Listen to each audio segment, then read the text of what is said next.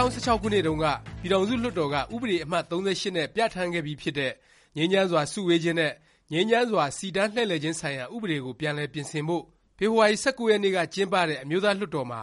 ဥပဒေကြမ်းကော်မတီအတွင်းရေးမှူးဒေါက်တာမြတ်ဉာဏစိုးကတင်သွင်းခဲ့ပါတယ်။ဒီအတွက်ငြိမ်းစုစီလို့လူသိများတဲ့အဲဒီဥပဒေပြင်ဆင်ချက်ကိုလွှတ်တော်တွင်းဆွေးနွေးမှုတွေစတင်ပါတော့မယ်။တစ်ပြိုင်နက်တည်းမှာပဲ အဲဒီ ပြင်ဆင်မယ့် ဥပဒေကြမ်းကို အများပြည်သူ သိရှိနိုင်အောင် သတင်းစာတွေကနေ တဆင့် ထုတ်ပြန်ပေးလိုက်တဲ့အတွက် ဝေဖန်သံတွေလည်း ထွက်ပေါ်လာပါတယ်။ပထမ အကြိမ် လွှတ်တော် သက်တမ်းတုန်းက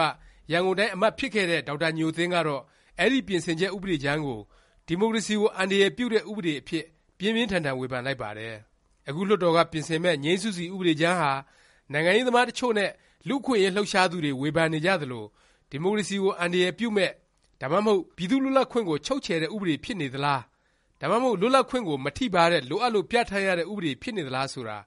ခုတစ်ပတ် လေ့လာသုံးသပ်ကြည့်ကြရမှာ ဖြစ်ပါတယ်။အခု လွှတ်တော်ထဲရောက်နေတဲ့ ငြိမ်းစုစီ ပြင်ဆင်တဲ့ ဥပဒေထဲမှာ အဓိက အငြင်းပွားနေကြတာကတော့ ပုဒ်မ ၁၈ ဖြစ်ပါတယ်။အသစ်ထည့်သွင်းလိုက်တဲ့ ပုဒ်မ ၁၈ မှာ မည်သူမဆို နိုင်ငံတော်လုံခြုံရေး၊တရားဥပဒေစိုးမိုးရေး၊ရပ်ရွာအေးချမ်းသာယာရေးနဲ့ပြည်သူတို့ဇ။်ကိုယ်ကျင့်တရားအကျိုးတို့ကို ပျက်ပြားစေရန် အကြံဖြင့်ဖြစ်စေ၊ထိုသို့ ပျက်ပြားစေတန်ရာသော အခြေအနေဖြစ်နိုင်ကြောင်း သိလျက်နဲ့ဖြစ်စေ၊ငွေသို့မဟုတ်ပစ္စည်းကို၎င်း၊အခြားနည်းလမ်းတစ်ခုခုသော်၎င်းသုံးစွဲ၍သူတစ်ဦးဦးအားငြိမ်းချမ်းစွာစုဝေးခြင်းနှင့်ငြိမ်းချမ်းစွာစီတန်းလှည့်လည်ခြင်းပြုအောင်လှုံ့ဆော်ခြင်း၊သွေးဆောင်ခြင်း၊ဖြားယောင်းခြင်းသို့မဟုတ်တိုက်တွန်းခြင်းပြုကြောင်းပြစ်မှုထင်ရှားစီရင်ခြင်းခံရလျှင်ထိုသူကိုသုံးနှစ်ထက်မပိုသော ထောင်ဒါဏ်ချမှတ်ရမည်အပြင်ငွေဒဏ်လည်းချမှတ်နိုင်သည်လို့ဖော်ပြထားပါတယ်။ အလားတူ ပုဒ်မပုဒ်မခွဲ ထဲမှာလည်း ငြိမ်းချမ်းစွာ စုဝေးခြင်း သို့မဟုတ် ငြိမ်းချမ်းစွာ စီတန်းလှည့်လည်ခြင်း ပြုလုပ်မည့် အစီအစဉ်၊ခန့်မှန်းလူဦးရေ ဆိုတဲ့ စကားရပ်အပြင်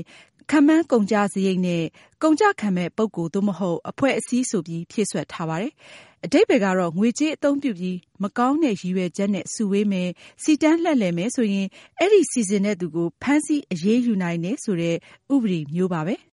နိုင်ငံရေးသမားနဲ့ လူ့အခွင့်အရေးသမားတွေကတော့ ဒီပြင်ဆင်ချက်မှာပါတဲ့ စကားရပ်တွေဟာ သိပ်ပြီး ယေဘုယျကျလွန်းတယ်၊ဒါကြောင့် ပွဲစီစဉ်သူတွေကို လိုရင်လိုသလို၊မလိုရင် မလိုသလို အရေးယူနိုင်တယ်၊အထူးသဖြင့်အင်န်အယ်လ်ဒီအစိုးရဟာ သူ့ကို ဆန့်ကျင်မယ့်သူတွေကို နှိပ်ကွပ်နိုင်အောင် ဒီဥပဒေ ပြဌာန်းဖို့ ကြိုးစားတာလို့ စွတ်စွဲပါတယ်။ဒီပြသနာကို နားလည်နိုင်ဖို့ ဆိုရင် မြန်မာနိုင်ငံမှာ ဖြစ်ပွားခဲ့တဲ့ ဆန္ဒပြပွဲတွေ၊စုဝေးမှုတွေ၊စီတန်းလှည့်လည်မှုတွေကို ပြန်လည် လေ့လာကြည့်ဖို့ လိုပါတယ်။ ၂၀၁၆ခုနှစ် ရှေ့ပိုင်းမှာ ဖြစ်ပေါ်ခဲ့တဲ့ စုဝေးမှု၊ဆန္ဒပြမှု၊စီတန်းလှည့်လည်မှုတွေကို ကြည့်လိုက်ရင် အရင် စစ်အစိုးရနဲ့ ၂၀၀၈ ဖွဲ့စည်းပုံအရ ပေါ်ပေါက်လာတဲ့ စစ်ဗိုလ်ချုပ်ဟောင်းတွေရဲ့ အစိုးရကို ဆန့်ကျင်တဲ့ စုဝေးမှုတွေကို အများဆုံး တွေ့ရမယ် ဖြစ်ပါတယ်။စုဝေး ဆန္ဒပြသူ အများစုကတော့ အင်န်အယ်လ်ဒီ ပါတီ၊၈၈ အဖွဲ့ ဒါမှမဟုတ် ဒီမိုကရေစီ နဲ့ လူ့အခွင့်အရေး လှုပ်ရှားတဲ့ အုပ်စုတွေအဖြစ် မြင်တွေ့ကြရမှာပါ။၂၀၁၆ ခုနှစ် အင်န်အယ်လ်ဒီ အစိုးရ အာဏာရလာပြီးတဲ့အခါ အဲဒီ ပုံသဏ္ဍာန် ပြောင်းသွားပါတယ်။ အထူးသဖြင့်အင်န်အယ်လ်ဒီအစိုးရကို ဆန့်ကျင်တဲ့ စုဝေး ဆန္ဒပြမှုတွေ ဖြစ်လာပြီး ဦးဆောင်သူတွေကတော့ အမျိုးသားရေး ကြွေးကြော်နေသူတွေ၊တပ်မတော်ကို ထောက်ခံတဲ့သူတွေ ဆိုပြီး ဖြစ်လာပါတယ်။အဲဒီ ဦးဆောင်သူတွေဟာ အမျိုးသားရေးပဲ ကြွေးကြော်ကြွေးကြော်၊တပ်မတော်ကိုပဲ ထောက်ခံတာလို့ပဲ ပြောပြော အဓိက ပစ်မှတ်ကတော့အင်န်အယ်လ်ဒီအစိုးရ ဆန့်ကျင်ရေး ဖြစ်နေတာပါပဲ။ဒီလောက်ထိတော့ သိပ်ပြီး ထူးခြားတယ်ရယ်လို့ မဆိုနိုင်ပါဘူး။ထူးခြားတာကတော့ အရင်အင်န်အယ်လ်ဒီတွေ၊၈၈ အဖွဲ့ဝင်တွေ၊ဒီမိုကရေစီ လှုပ်ရှားသူတွေ စုဝေး ဆန္ဒပြခဲ့ကြစဉ်တုန်းက ပါဝင်သူတွေဟာ ကိုယ့်ဆန္ဒနဲ့ကိုယ် ပါဝင်သူတွေ ဖြစ်ခဲ့ပြီး အခုနောက်ပိုင်း စုဝေး ဆန္ဒပြမှုတွေမှာတော့ အခကြေးငွေပေးပြီး လူခေါ်တာ၊ကျွေးမွေး၊သွားလာရေးအတွက် ကုန်ကျစားရိတ် ကျခံတာ စသဖြင့် ငွေကြေး အကြီးအကျယ် အကုန်အကျခံပြီး လုပ်လာကြလို့ပါပဲ။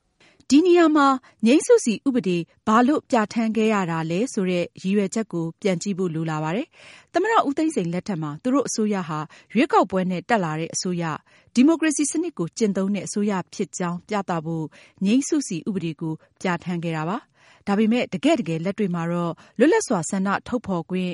ရခဲ့ကြတာတော့ မဟုတ်ပါဘူး။ ဥပဒေအရ စုဝေးဖို့၊စီတန်းလှည့်လည်ဖို့ သက်ဆိုင်ရာ အာဏာပိုင်ဆီ ခွင့်တောင်းရပြီး ခွင့်ပြုချက်မရရင် စုဝေးတာ၊စီတန်းလှည့်လည်တာ မလုပ်နိုင်ကြလို့ပါပဲ။ဒီထက် ပိုဆိုးတာ ရှိပါသေးတယ်။အဲဒါကတော့ မြို့နယ်အသီးသီးက ရဲတပ်ဖွဲ့မှူးရုံးတွေဟာ ဘယ်နေရာတွေကိုတော့ စုဝေးစီတန်းခွင့်ပြုမယ်၊ဘယ်နေရာတွေမှာတော့ စီတန်းလှည့်လည်ခွင့် မပြုနိုင်ဘူးဆိုပြီး သူတို့ဖာသာသူတို့ စိတ်ကြိုက်သတ်မှတ်မှုတွေ လုပ်ထားကြတဲ့ ကိစ္စပါ။ဒီအတွက် စုဝေးဖို့၊စီတန်းလှည့်လည်ဖို့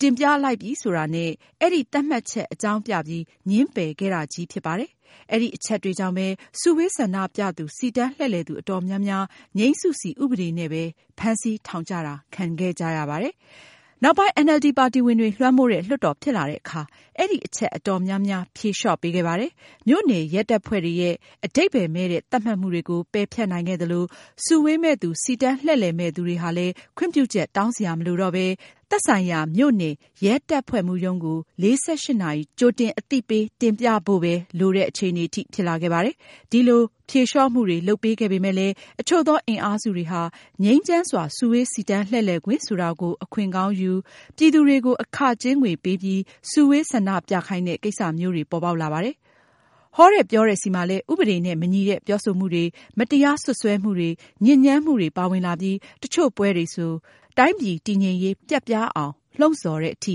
လုပ်ကိုင်လာတာ တွေ့နိုင်ပါတယ်။အဲလို အခြေအနေမျိုးကို အင်န်အယ်လ်ဒီ အစိုးရက ဥပဒေပြဌာန်းပြီး ကိုင်တွယ် ထိန်းသိမ်းချင်ပုံ ပေါ်ပါတယ်။ဥပဒေနဲ့အညီ ကိုင်တွယ် ထိန်းသိမ်းချင်လို့ ဥပဒေ ပြဌာန်းဖို့ ကြိုးစားရတယ် ဆိုပေမယ့်